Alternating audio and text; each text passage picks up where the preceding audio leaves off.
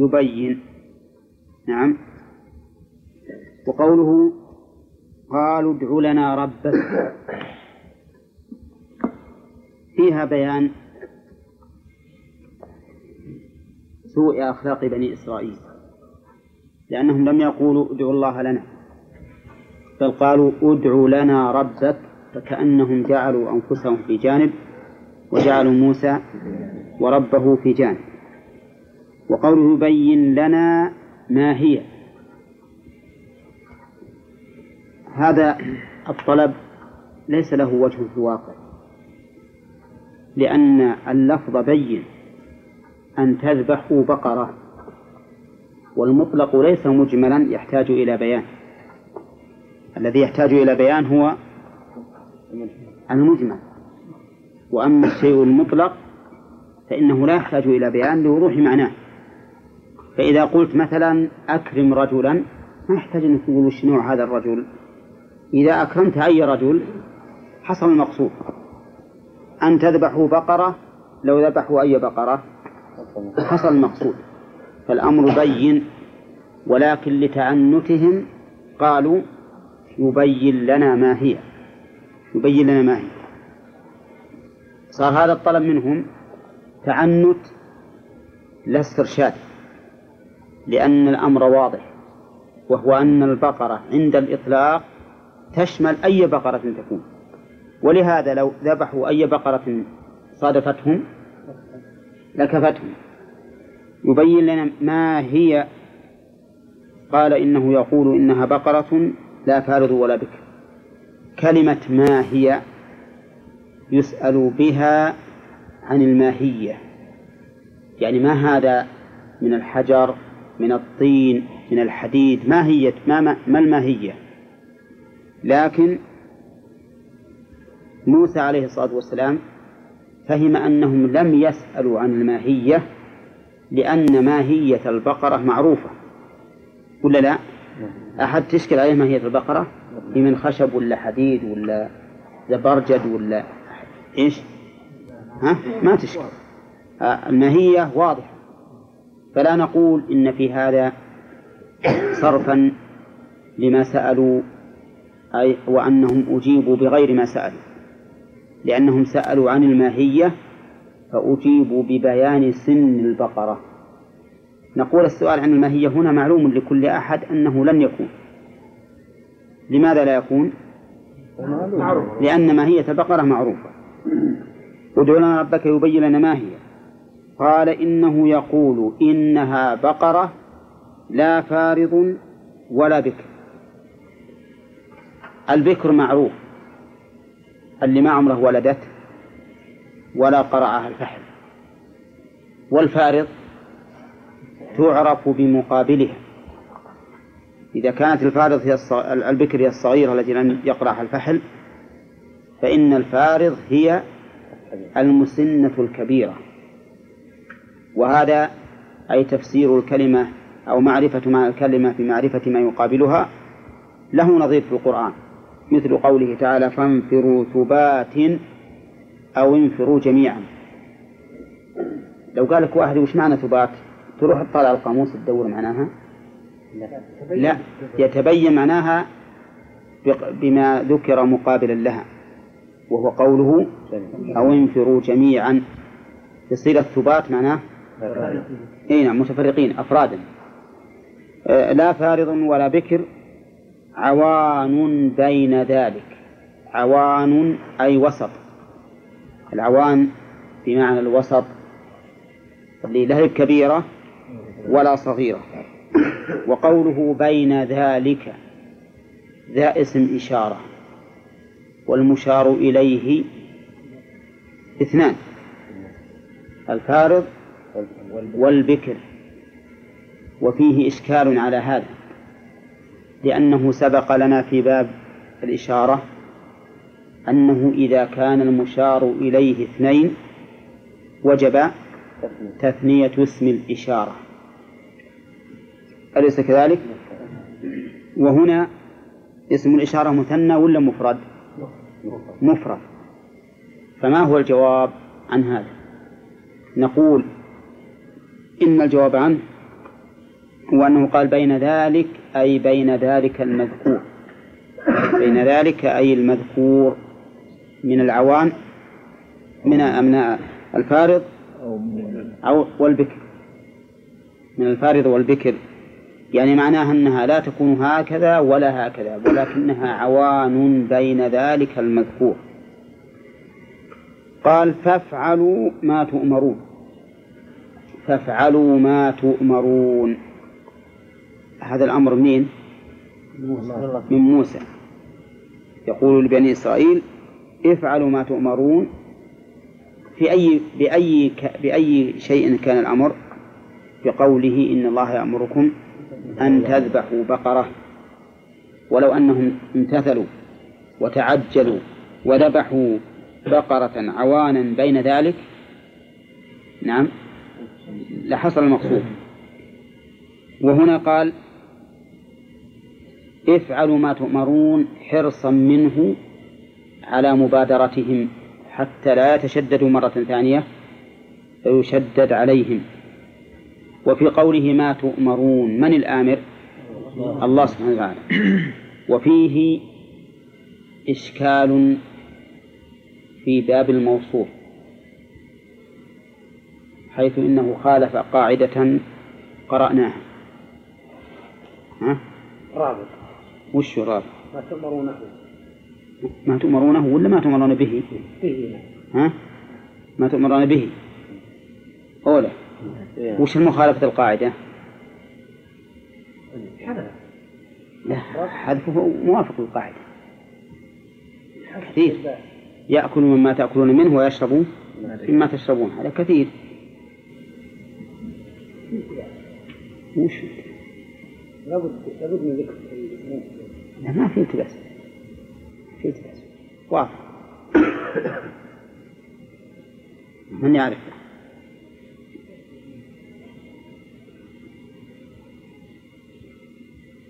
اقرأوا الموصول في حذف العائد.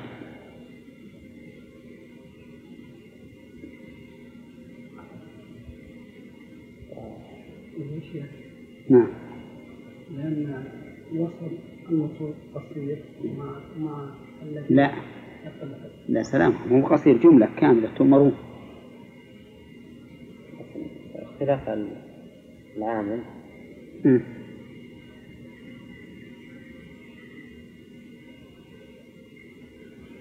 وما هو ذكرنا انه إنه إذا حذف العائد المجرور يشترط أن إذا كان مجرورا بحرف أن يكون مجرورا بحرف يطابق الحرف الذي جر به الموصول لفظا ومعنى. لفظا ومعنى. ومتعلقا. لفظا ومعنى ومتعلقا. وهنا ما في الموصول ما جر أصلا. الموصول مفعول به. مفعول به منصوب. فافعلوا ما تؤمرون. افعلوا الذي تؤمرون به. نعم. وقد ذكرنا فيما سبق إن بعض العلماء ما يشترط هذا الشرط. وأنه يقول إذا دل عليه دليل جاز حذفه وان وإن لم يجر الموصول بما جر به العائد. ولا ابن مالك يقول كذا الذي جر بما الموصول جر كمر بالذي مررت فهو بر. ستمر عليكم هالبيت ها؟ نعم. أي نعم. طيب إذا يكون هذا شاهد لق- للقول الثاني في المسألة. وهو أنه يجوز حذف العائد المجرور وإن لم يكن الموصول مجرورا. نعم. ومن باب أولى وأحرى أنه يجر أيضا بحرف لم يجر به الموصول. أي نعم. فافعلوا ما تؤمرون. وكان عليهم أن يفعلوا وإن لم يأمرهم نبيهم به لكن هم أهل عناد وتعنت. ولهذا أمرهم أمرا ثانيا. ومع هذا قالوا ادع لنا ربك يبين لنا ما لونها. أعوذ بالله. وش عليكم من لونها لكن كل هذا من باب التعنت والتشدد. ما لونها؟ يعني أي شيء لونها؟ سوداء بيضاء شهبة ما هي؟ قال إنه يقول إنها بقرة صفراء فاقع لونها تسر الناظرين. شدد عليهم. بالأول عوان بين البكر والفارض وبينهما زمن. يعني لو جاءوا مثل بواحدة قريبة من البكر أو واحدة قريبة من الفارض كبيرة حصل المقصود. لكن هنا شدد عليه. إنها بقرة صفراء وش خرج بها؟ ما عدا الألوان ما عدا الصفرة من الألوان هذه واحد وهذا نوع تضييق. أليس كذلك؟ ثانيا فاقع لونها. الفاقع يعني الصافي. صافي. معنى إنه ما فيه ما يشوبه و, و ويخرجه عن الصفرة. وقيل معنى فاقع لونها أي شديد الصفرة. شديد الصفرة. وهو كلما كان صافيا كان أبين في كونه أصفر. أيضا تسر الناظرين.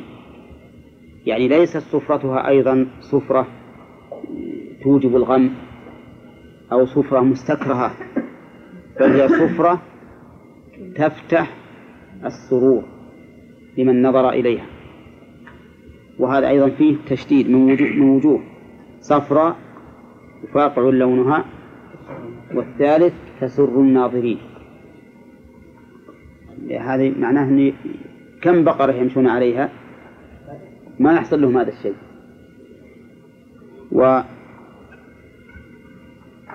وذكر بعض العلماء إن هذا فيه دليل على أن لون الأصفر مطلوب لقوله تسر الناظرين وجعل هذه الجملة بيانا للواقع وقال إن من لبس نعلا أصفر لم يزل في سرور. نعم ولكن هذا ليس بصحيح.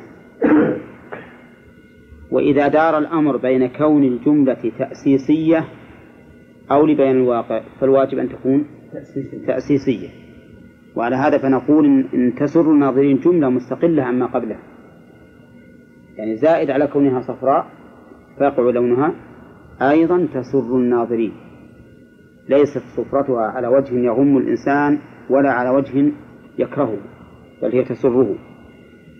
نعم. بين كون الجملة تأسيسية أو لبيان الواقع ما لا مفهوم فهي إن فإنها تأسيسية. يعني تأسيسية بمعنى مستقلة تفيد معنى زائد عن الأول. نعم. في حديث نهى عن المعصفر أي نعم. المعصفر الأحمر. يعني الأصفر أحمر لونه نعم. بالنسبة لهذا الوصف اللي وصفه الله سبحانه وتعالى الصفراء ولم أصلها في البقر الصفراء لونها بيبقى فعلا جميل وبيكون بتكون صافية فعلا يعني أي حتى لما الواحد يروح يشتري السوق من السوق أي بقرة عندنا في مصر. يدور على اللون اللي لونها أصفر كده بتبص يعني مرغوبة وفي الثمن أغلى من النوع الثاني أي طيب. هذا ما يعني دور طيب. ربنا عايز عليهم. إيه. قالوا ادع لنا ربك يبين لنا ما هي. هذا أيضا طلب ثالث. ادع لنا ربك يبين لنا ما هي. إن البقرة تشابه علينا. اشتبه علينا البقرة المطلوبة. وفي الحقيقة هو في هذا الاشتباه ها؟ ذكر لهم أنها بقرة وذكر لهم سنها وذكر لهم لونها فأين التشابه؟ لكن بس آية من آيات الله سبحانه وتعالى لأجل أن يشدد الله عليهم ونقلب أفئدتهم وأبصارهم كما لم يؤمنوا به أول مرة يقول ادعنا ربك إن البقرة تشابه علينا صار بعضه يشبه بعضا. المتشابه الذي يشبه بعضه بعضا. إحنا ما ندري أيهما المقصود. وهذا من تعنتهم وإلا فالأمر واضح. وإنا إن شاء الله لمهتدون. الأخيرة هذه طيبة منهم. وإنا إن شاء الله لمهتدون. أخذوا عليهم أنهم سيهتدون على أنفسهم أنهم سيهتدون ولكنهم علقوا ذلك بمشيئة الله. قال بعض السلف لو, لو لم يقولوا إن شاء الله ما اهتدوا إليها أبدا. ولكن كلمة إن شاء الله من أسباب تحقيق المطلوب. كما قيل لسليمان عليه الصلاة والسلام لما قال والله لأطوفن الليلة على تسعين امرأة تلد كل واحدة منهن غلاما يقاتل في سبيل الله. فقال له الملك قل آمين أو قل إن شاء الله. فلم يقل إن شاء الله. قال الرسول عليه الصلاة والسلام فطاف على تسعين امرأة فولدت واحدة منهن شق إنسان. ما حصل له؟ ولا إنسان واحد. نعم. قال رسول الله عليه الصلاة والسلام لو قال إن شاء الله لكان دركا لحاجته ولقاتلوا في سبيل الله. إذا قولهم إن شاء الله هذه من الأمور المشروعة التي توجب للإنسان أن يصل إلى مطلوبه. نعم. وقولهم إنا إن شاء الله لمهتدون. أكدوا الهداية هنا بمؤكدين. نعم. وهي وهما إن واللام وتأكيد ثالث الجملة الاسمية. أبلغ من الجملة الفعلية ما قالوا وسنهتدي إليها إن شاء الله. بل قالوا وإنا إن شاء الله لمهتدون. جوابهم على هذا قال إنه يقول إنها بقرة لا ذلول تثير الأرض ولا تسقي الحرب مسلمة لا شية فيها هذا أيضا تشديد زيادة على ما سبق إنها بقرة لا ذلول الذلول على وزن فعول وهي المتذللة التي ذللت لصاحبها. وصفها الذلول تثير الأرض وتسقي الحرث. مذللة تثير الأرض بالحرث أقول تثير الأرض هذه المذللة المذللة التي تثير الأرض بالحرث. يحدث عليها وأظنكم تعرفون كيف يحرث على البقر؟ ها؟ تعرفون يعني؟ نعم. أين زين. و ولا تسقي الحرث يعني ما يثنى عليها. ليست ثانية ولا حارثة نعم. وقوله مسلمة أي من العيوب. ما فيها عيوب. وقوله لا شية فيها يعني ليس فيها لون يخالف لونها. مأخوذة من الوشي وشي الثوب يعني تلوينه بألوان مختلفة. يسمى وشيا. فشية مأخوذة من الوشي مثل عدة مأخوذة من الوعد. عدة من الوعد فمعنى لا شية ليس فيها لون ثاني يخالف لونها ولونها كما سبق صفراء. إذا هي صفراء ما فيها سواد ولا فيها بياض ولا فيها أي لون آخر. وهذا كله من زيادة التشديد عليه.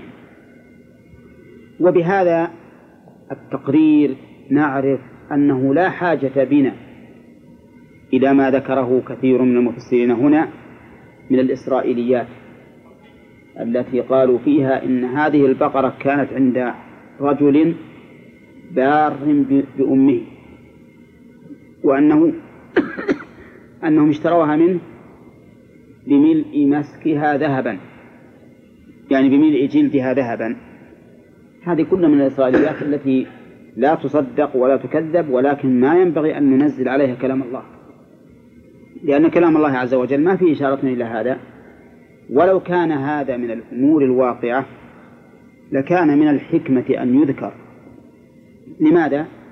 لما فيه من الحث على بر الوالدين. حتى نعتبر. فالصواب أننا نقول في تفسير الآية ما قال الله عز وجل ولا نتعرض للأمور الأخرى التي ذكرها المفسرون هنا من الحكايات. قالوا الآن جئت بالحق. أعوذ بالله. الآن جئت بالحق. طيب وبالأول؟ نعم. نعم على على موجب كلامه إنك بالأول ما أتيت بالباطل وقد صدروا هذه القصة بقولهم أتتخذنا هزوا. قال أعوذ بالله أن أكون من الجاهلين. يعني الآن عرفنا أنك لست لست تستهزئ وإنما أنت صادق. هذا هو المتبادر من الآية الكريمة وليس بغريب على تعنتهم أن يقولوا مثل هذه الجملة. وقال بعض المفسرين اتقاء لهذا المعنى البشع قال إن المراد بقوله بالحق أي بالبيان التام. يعني الآن بينت لنا أوصافها الآن بينت لنا أوصافها. فجعلوا الحق هنا بمعنى البيان. ولكن الصواب أن الحق هنا ضد الهزء والباطل. ويدل على ذلك أي أنهم صدروا هذه القصة بقولهم. أتتخذنا هزوا. فبعد هذه المناقشات مع موسى والسؤالات وطلب الله عز وجل قالوا الآن جئت بالحق وعرفنا أنك لست مستهزئا بنا بل إنك جاد فيما تقول. فذبحوها. يعني فطلبوها لأن يعني هذه هذه الجملة فيها إيجاز يسمى في البلاغة إيجاز الحذف. يعني إيجاز الحذف آه، يحذف جمل يدل عليه السياق. وإيجاز القصر يؤتى بجملة تشتمل على معان كثيرة مع اختصارها. فقوله ولكم في القصاص حياة مثلا وش يسمى هذا؟ هذا إيجاز قصر لأن هذه الآية كلمات معدودة تدل على معاني كثيرة لكن فسقى لهما ثم تولى إلى الظل فقال رب إني لما أنزلت إلي من خير فقير فجاءته إحداهما تمشي على استحياء قالت إن أبي يدعوك ليجزيك كما سقيت الماء هذه فيها إيجاز حذف ولا لا؟ نعم. لأن تقدير الآية فسقى لهما ثم ذهبتا إلى أبيهما وقصتا عليه القصة نعم فأرسلهما إلى موسى. فجاءته إحداهما أرسل إحداهما إلى موسى فجاءته إحداهما تمشي على السياء إلى آخره. وهنا قول فذبحوها لو أخذنا الآية على ظاهرها لكانت البقرة تكون عندهم جاهزة ولكنها لا بد من طلب. طلبوا بقرة تنطبق عليها هذه الأوصاف. نعم. السن واللون والعمل. السن عبد الرحمن؟ نعم. ها. السن؟ اي أقول هذه البقرة وجدوها بالأوصاف وجدوا بقرة انطبقت عليها الأوصاف بالسن واللون والعمل. لا السن اللون. السن السن وش؟ السن بكر لا. بكر نعم لا فارض ولا ولا بكر. حوان بين, حوان بين ذلك. طيب. وفي اللون آدم؟ صفراء نعم. لا. في شهر سواد لا أبيض لا أحمر خالص بس زين. يعني يبين أصفر. طيب وش بعد؟ كمل ولا تناطح يمكن يبي يعرف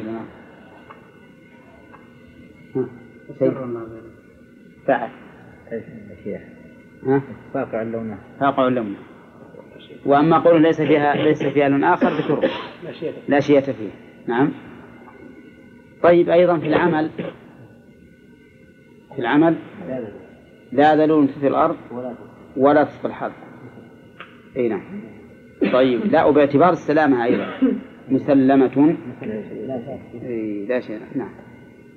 قال الله تعالى فذبحوها وما كادوا يفعلون. ذبحوها كما أمرهم نبيهم. وما كادوا يفعلون. قوله وما كادوا يفعلون هذه فيها كلام بين النحويين. هل كاد مثل غيرها من الأفعال؟ أو كاد عكس غيرها من الأفعال. لأن كاد بمعنى قارب ها؟ يكاد البرق يخطف أبصارهم. أي يقرب من خطف أبصارهم. نعم. فبعض العلماء يقول إن كاد نفيها إثبات. وإثباتها نفي. فإذا قلت كاد يفعل كذا فمعناه إنه ما فعل. وإذا قلت لم يكد يفعل كذا فمعناه أنه فعل. أنه فعل. لأن نقول شف وما كادوا يفعلون هم فعلوا ولا لا؟ فعلوا فعلوا. ولكن الصواب بلا شك أنها كغيرها. نفيها نفي وإثباتها إثبات. نفيها نفي وإثباتها إثبات فإذا قلت ما كاد يفعل فمعناها أنه لم يفعل ولم يقارب الفعل. وحينئذ هل هؤلاء ما قاربوا الفعل؟ نقول لولا قوله ففعلوا فذبحوها لقلنا إنهم ما ذبحوها ولا قاربوا أن يذبحوها. فإذا قال قائل هذا يؤدي إلى التناقض. لأنكم إذا قلتم فذبحوها وما قاربوا أن يفعلوا صار تناقض. فيقال لا تناقض لاختلاف الزمن اختلاف الزمن. فهم ما كادوا يفعلون قبل الذبح. يعني كل سؤالاتهم السابقة التعنت لعلهم يتخلصون. فذبحوها على مضض. فيكون نفي المقاربة مخالفا للفعل شبه في الزمن. وحينئذ لا تناقض. لأن التناقض لو قلنا ذبحوها في وقت لم يقارب ذبحها. لكن هذا متناقضا. لأن الذابح لا يقال أنه ما يكاد يفعل. لأن الذابح فعل. ما أدري والله فاهمين أنتم ولا لا. ولا نتكلم بلغة إنجليزية نعم؟ واضح؟ إذا كاد كغيرها من الأفعال ومعناها قارب.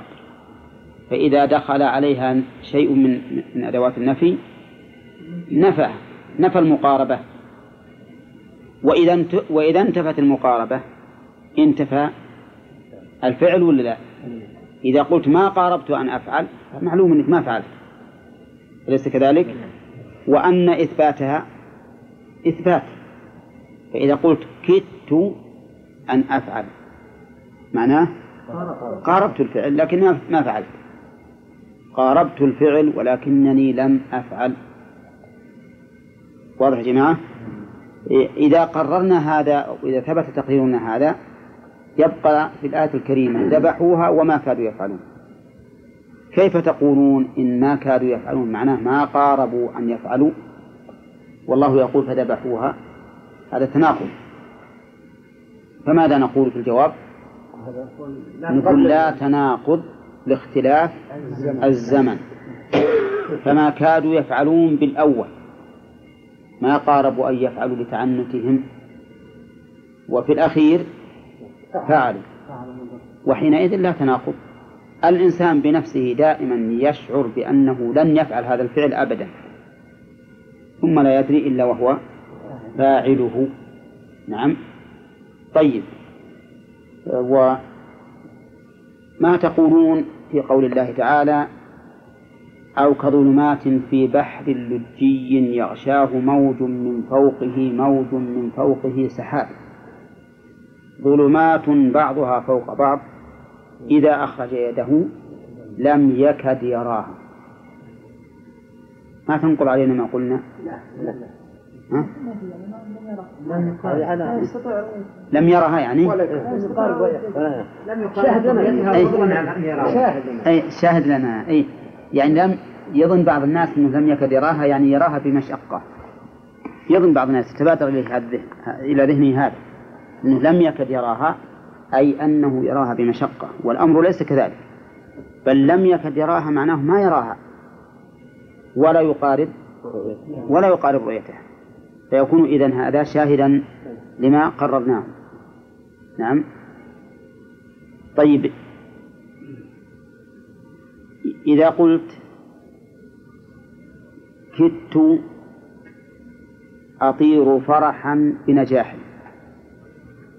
كدت أطير فرحا بنجاح. هل أنا طرت؟ ها؟ قاربت. ولكن؟ طيب. لم لم لم أطف إذا ماشي على الباب يعني. ماشي على الباب. فقول بعض النحويين رحمهم الله إن نفيها إثبات وإثباتها نفي ليس بصحيح. وقد أبطل هذا ابن هشام في كتابه المغني. على ماذا استندوا؟ استندوا لأنه إذا قال ما ما كدت أن أفعل ما كدت أن أفعل. فيه تدل على إني ما كنت فاعل إني ما فعلت هذا الشيء. ولكن إن- إني ما كدت أن أفعله ولكني فعلته. واستدلوا بالآية وفي الحقيقة ما ما يصير هذا.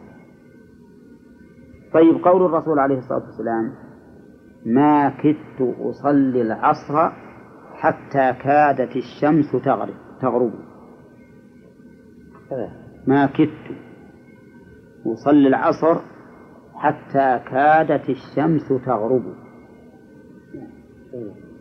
هل الرسول صلى الله قبل الغروب ولا ها؟ قبل الغروب قبل الغروب ها؟ شف ما قاربت أن أصلي العصر حتى قاربت الشمس الغروب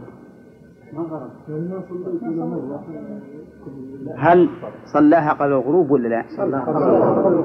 قبل الغروب لا يا أخي. لأنه لأنه لما قال ابن عمر اللي قال هكذا. فقال رسول والله ما صليتها ثم قاموا إلى بطح- بطحان فتوضأوا وصلوا. بعد ما غربت الشمس نعم. لا الظاهر صلوها بعد الغروب. أي لأنه صلوها بعد الغروب. لأنه هنا قال ما كدت أصلي يعني ما قاربت الصلاة. ما قال ما صليت حتى كادت.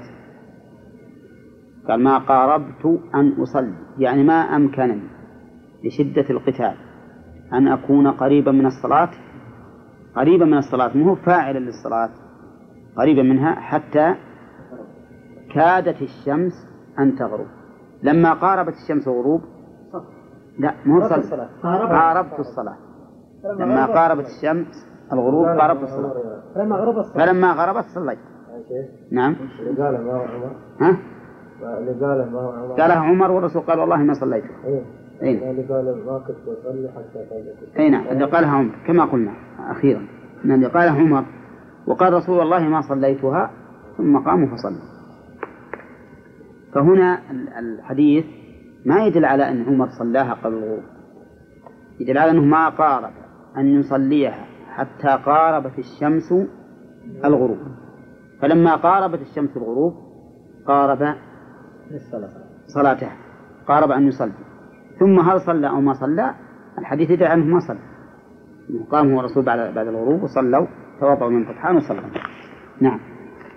فذبحوها وما كادوا يفعلون. قال الله تعالى وإذ قتلتم نفسا فادارأتم فيها والله مخرج ما كنتم تكتمون. قرر الله القصة قبل أن يذكرهم بالسبب. قرر الله القصة لبني إسرائيل. قبل أن يبين السبب. ما سبب قول موسى إن الله يأمركم أن تذبحوا بقرة؟ هذا هو السبب. أنهم قتلوا نفسا فادارأوا فيها تدافعوا. كل منهم يدعي أن هذا أن هذا هو القاتل. وبلا شك أن هذا يحصل به فتنة عظيمة. والمقتول قد مات. ولا يمكن أن يخبر من الذي قتله بعد موته. فأراهم الله تبارك وتعالى بل أمرهم سبحانه وتعالى أن يذبحوا هذه البقرة لتكون آية ويعرف القاتل لهذا لهذا القتيل. فهم بعد أن قتلوا هذه النفس وادارأوا فيها وأضاف القتل إليهم وإن كان بعضهم بلا شك لم يرضى به فالذين يطالبون بقتل القاتل لم يرضوا به. لكن كما مر علينا من قبل إن الشيء إذا فعلته إذا فعله الأمة وسكت الباقون يعتبر فعلا للجميع. وقوله ادارأتم وش معنى الادراء؟ معناه ال- الاختلاف والتدافع. كل واحد منكم يدافع عن نفسه التهمة. ومنه ادرأوا الحدود بالشبهات أي ادفعوها. فادارأتم فيها. قال الله تعالى والله مخرج ما كنتم تكتمون. في هذا دليل أنهم كتموا لأن القاتلين لو اعترفوا بالقتل ها؟ حصلت المداراة. ما تحصل المداراة ولا ولا يحصل شيء. ولكنهم كتموا فأخرج الله تبارك وتعالى ما كتموه بهذه الآية العظيمة. سؤالك يا عبد الله. يعني الأسئلة اللي حصلت منهم نعم. للتخلص يبدو والله أعلم أنه تعنت ليتخلص منها. لأن قولوا فذبحوها وما كادوا يفعلون يدل على هذا.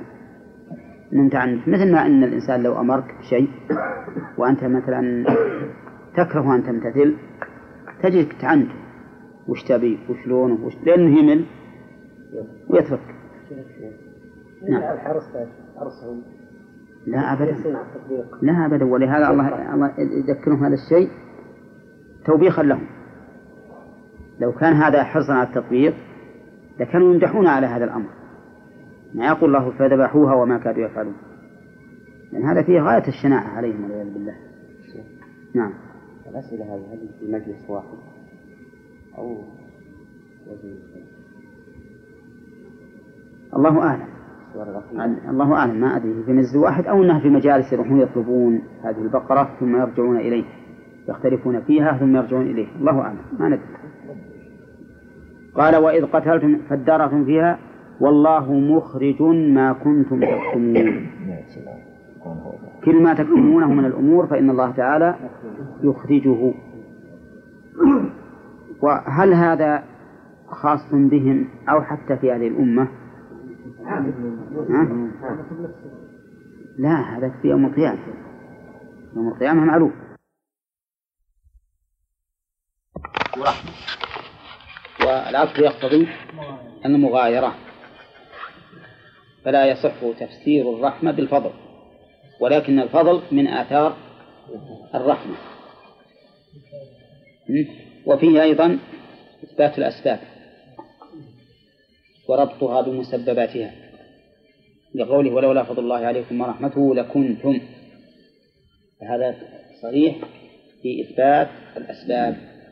ولا أحد ينكر الأسباب إلا الأشاعرة فإنهم جاءوا بأمر يضحك منه السفهاء.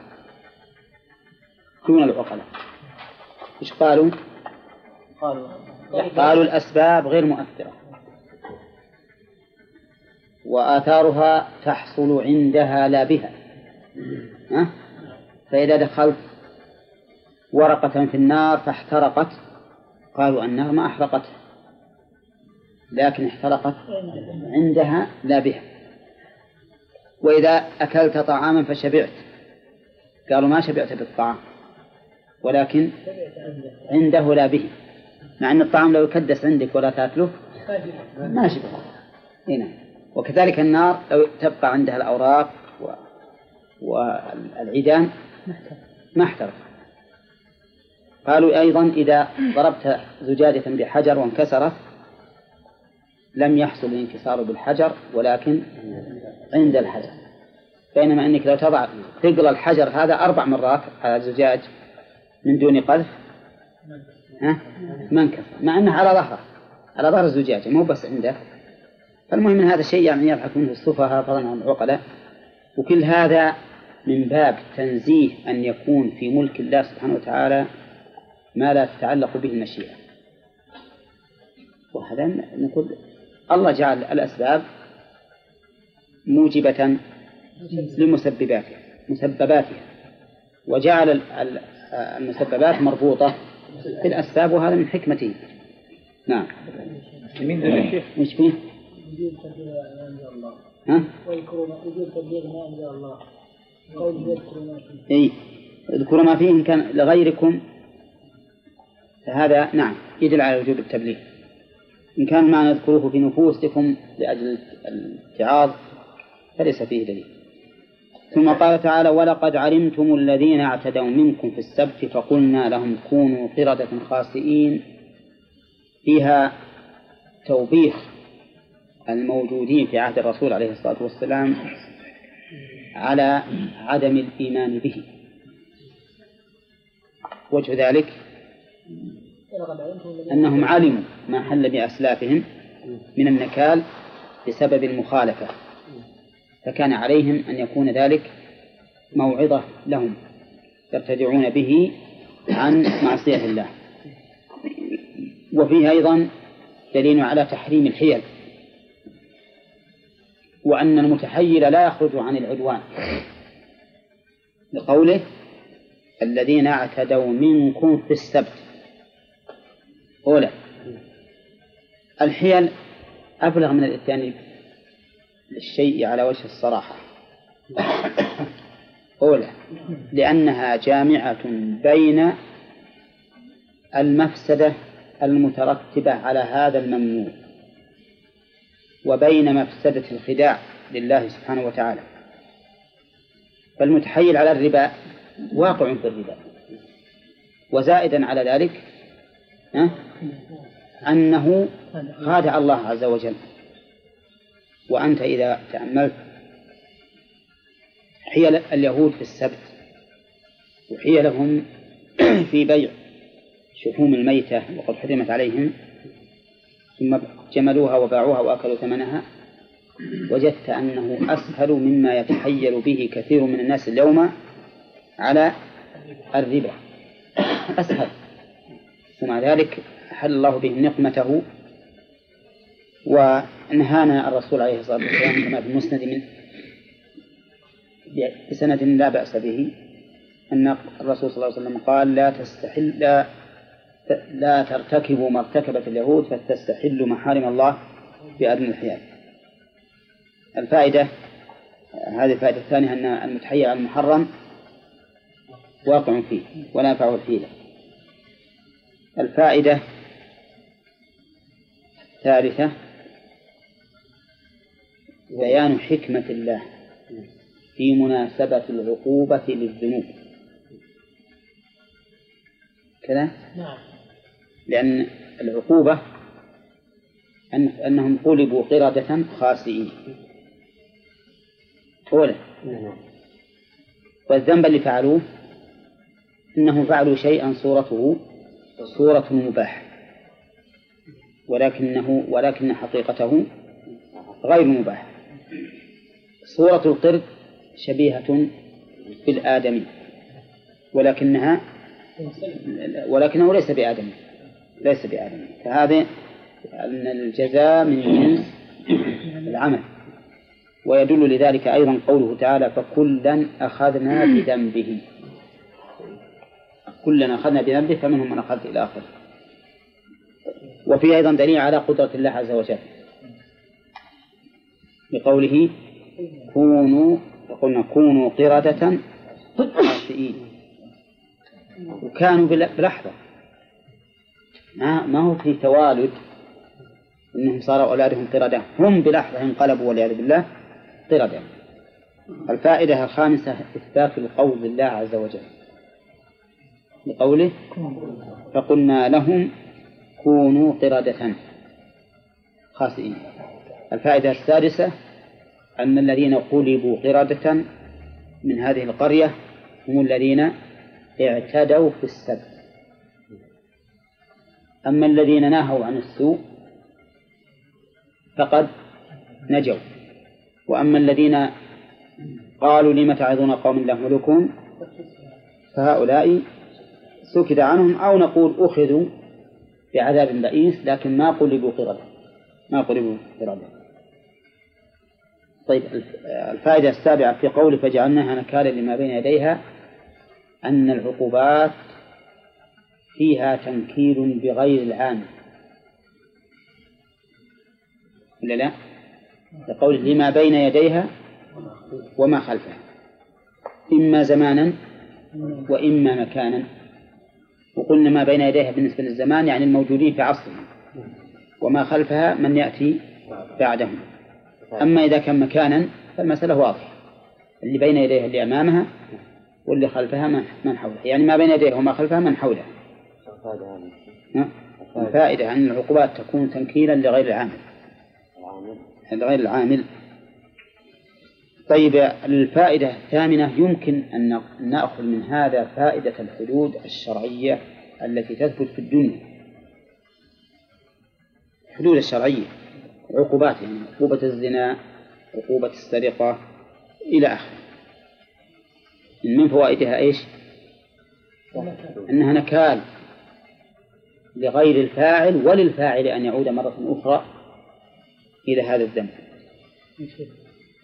الفائدة التاسعة أن الذين ينتفعون من مثل هذه المواعظ هم المتقون? الفائدة العاشرة أن المواعظ قسمان كونية وشرعية. كونية وشرعية كونية القدرية. كونية وشرعية. هنا كونية ولا شرعية؟ الموعظة ها؟ كونية قدرية. لأن الله أحل بهم النكال الذي أحل بهم العقوبة لتكون نكالا لما بين يديه وما خلفه. ويا أيها الناس قد جاءتكم موعظة من ربكم وشفاء لما في الصدور. هذه موعظة شرعية. أيهما أقوى؟ المواعظ الشرعية أو الكونية. ها؟ حسب أما للحمير فالكونية أعظم. ها؟ أولا وأما للمؤمنين الشرعية. أعظم. لأن انتفاع المؤمن بالشرائع أعظم من انتفاعه بالقضاء بالمقدورات. لكن البليد الحمار كمثل الحمار يحمل أسفارا هذا يتعظ بال- بالأمور. الكونية أعظم. نعم يتعظ بها أعظم. ومع ذلك إذا جاءت قسوة القلب ما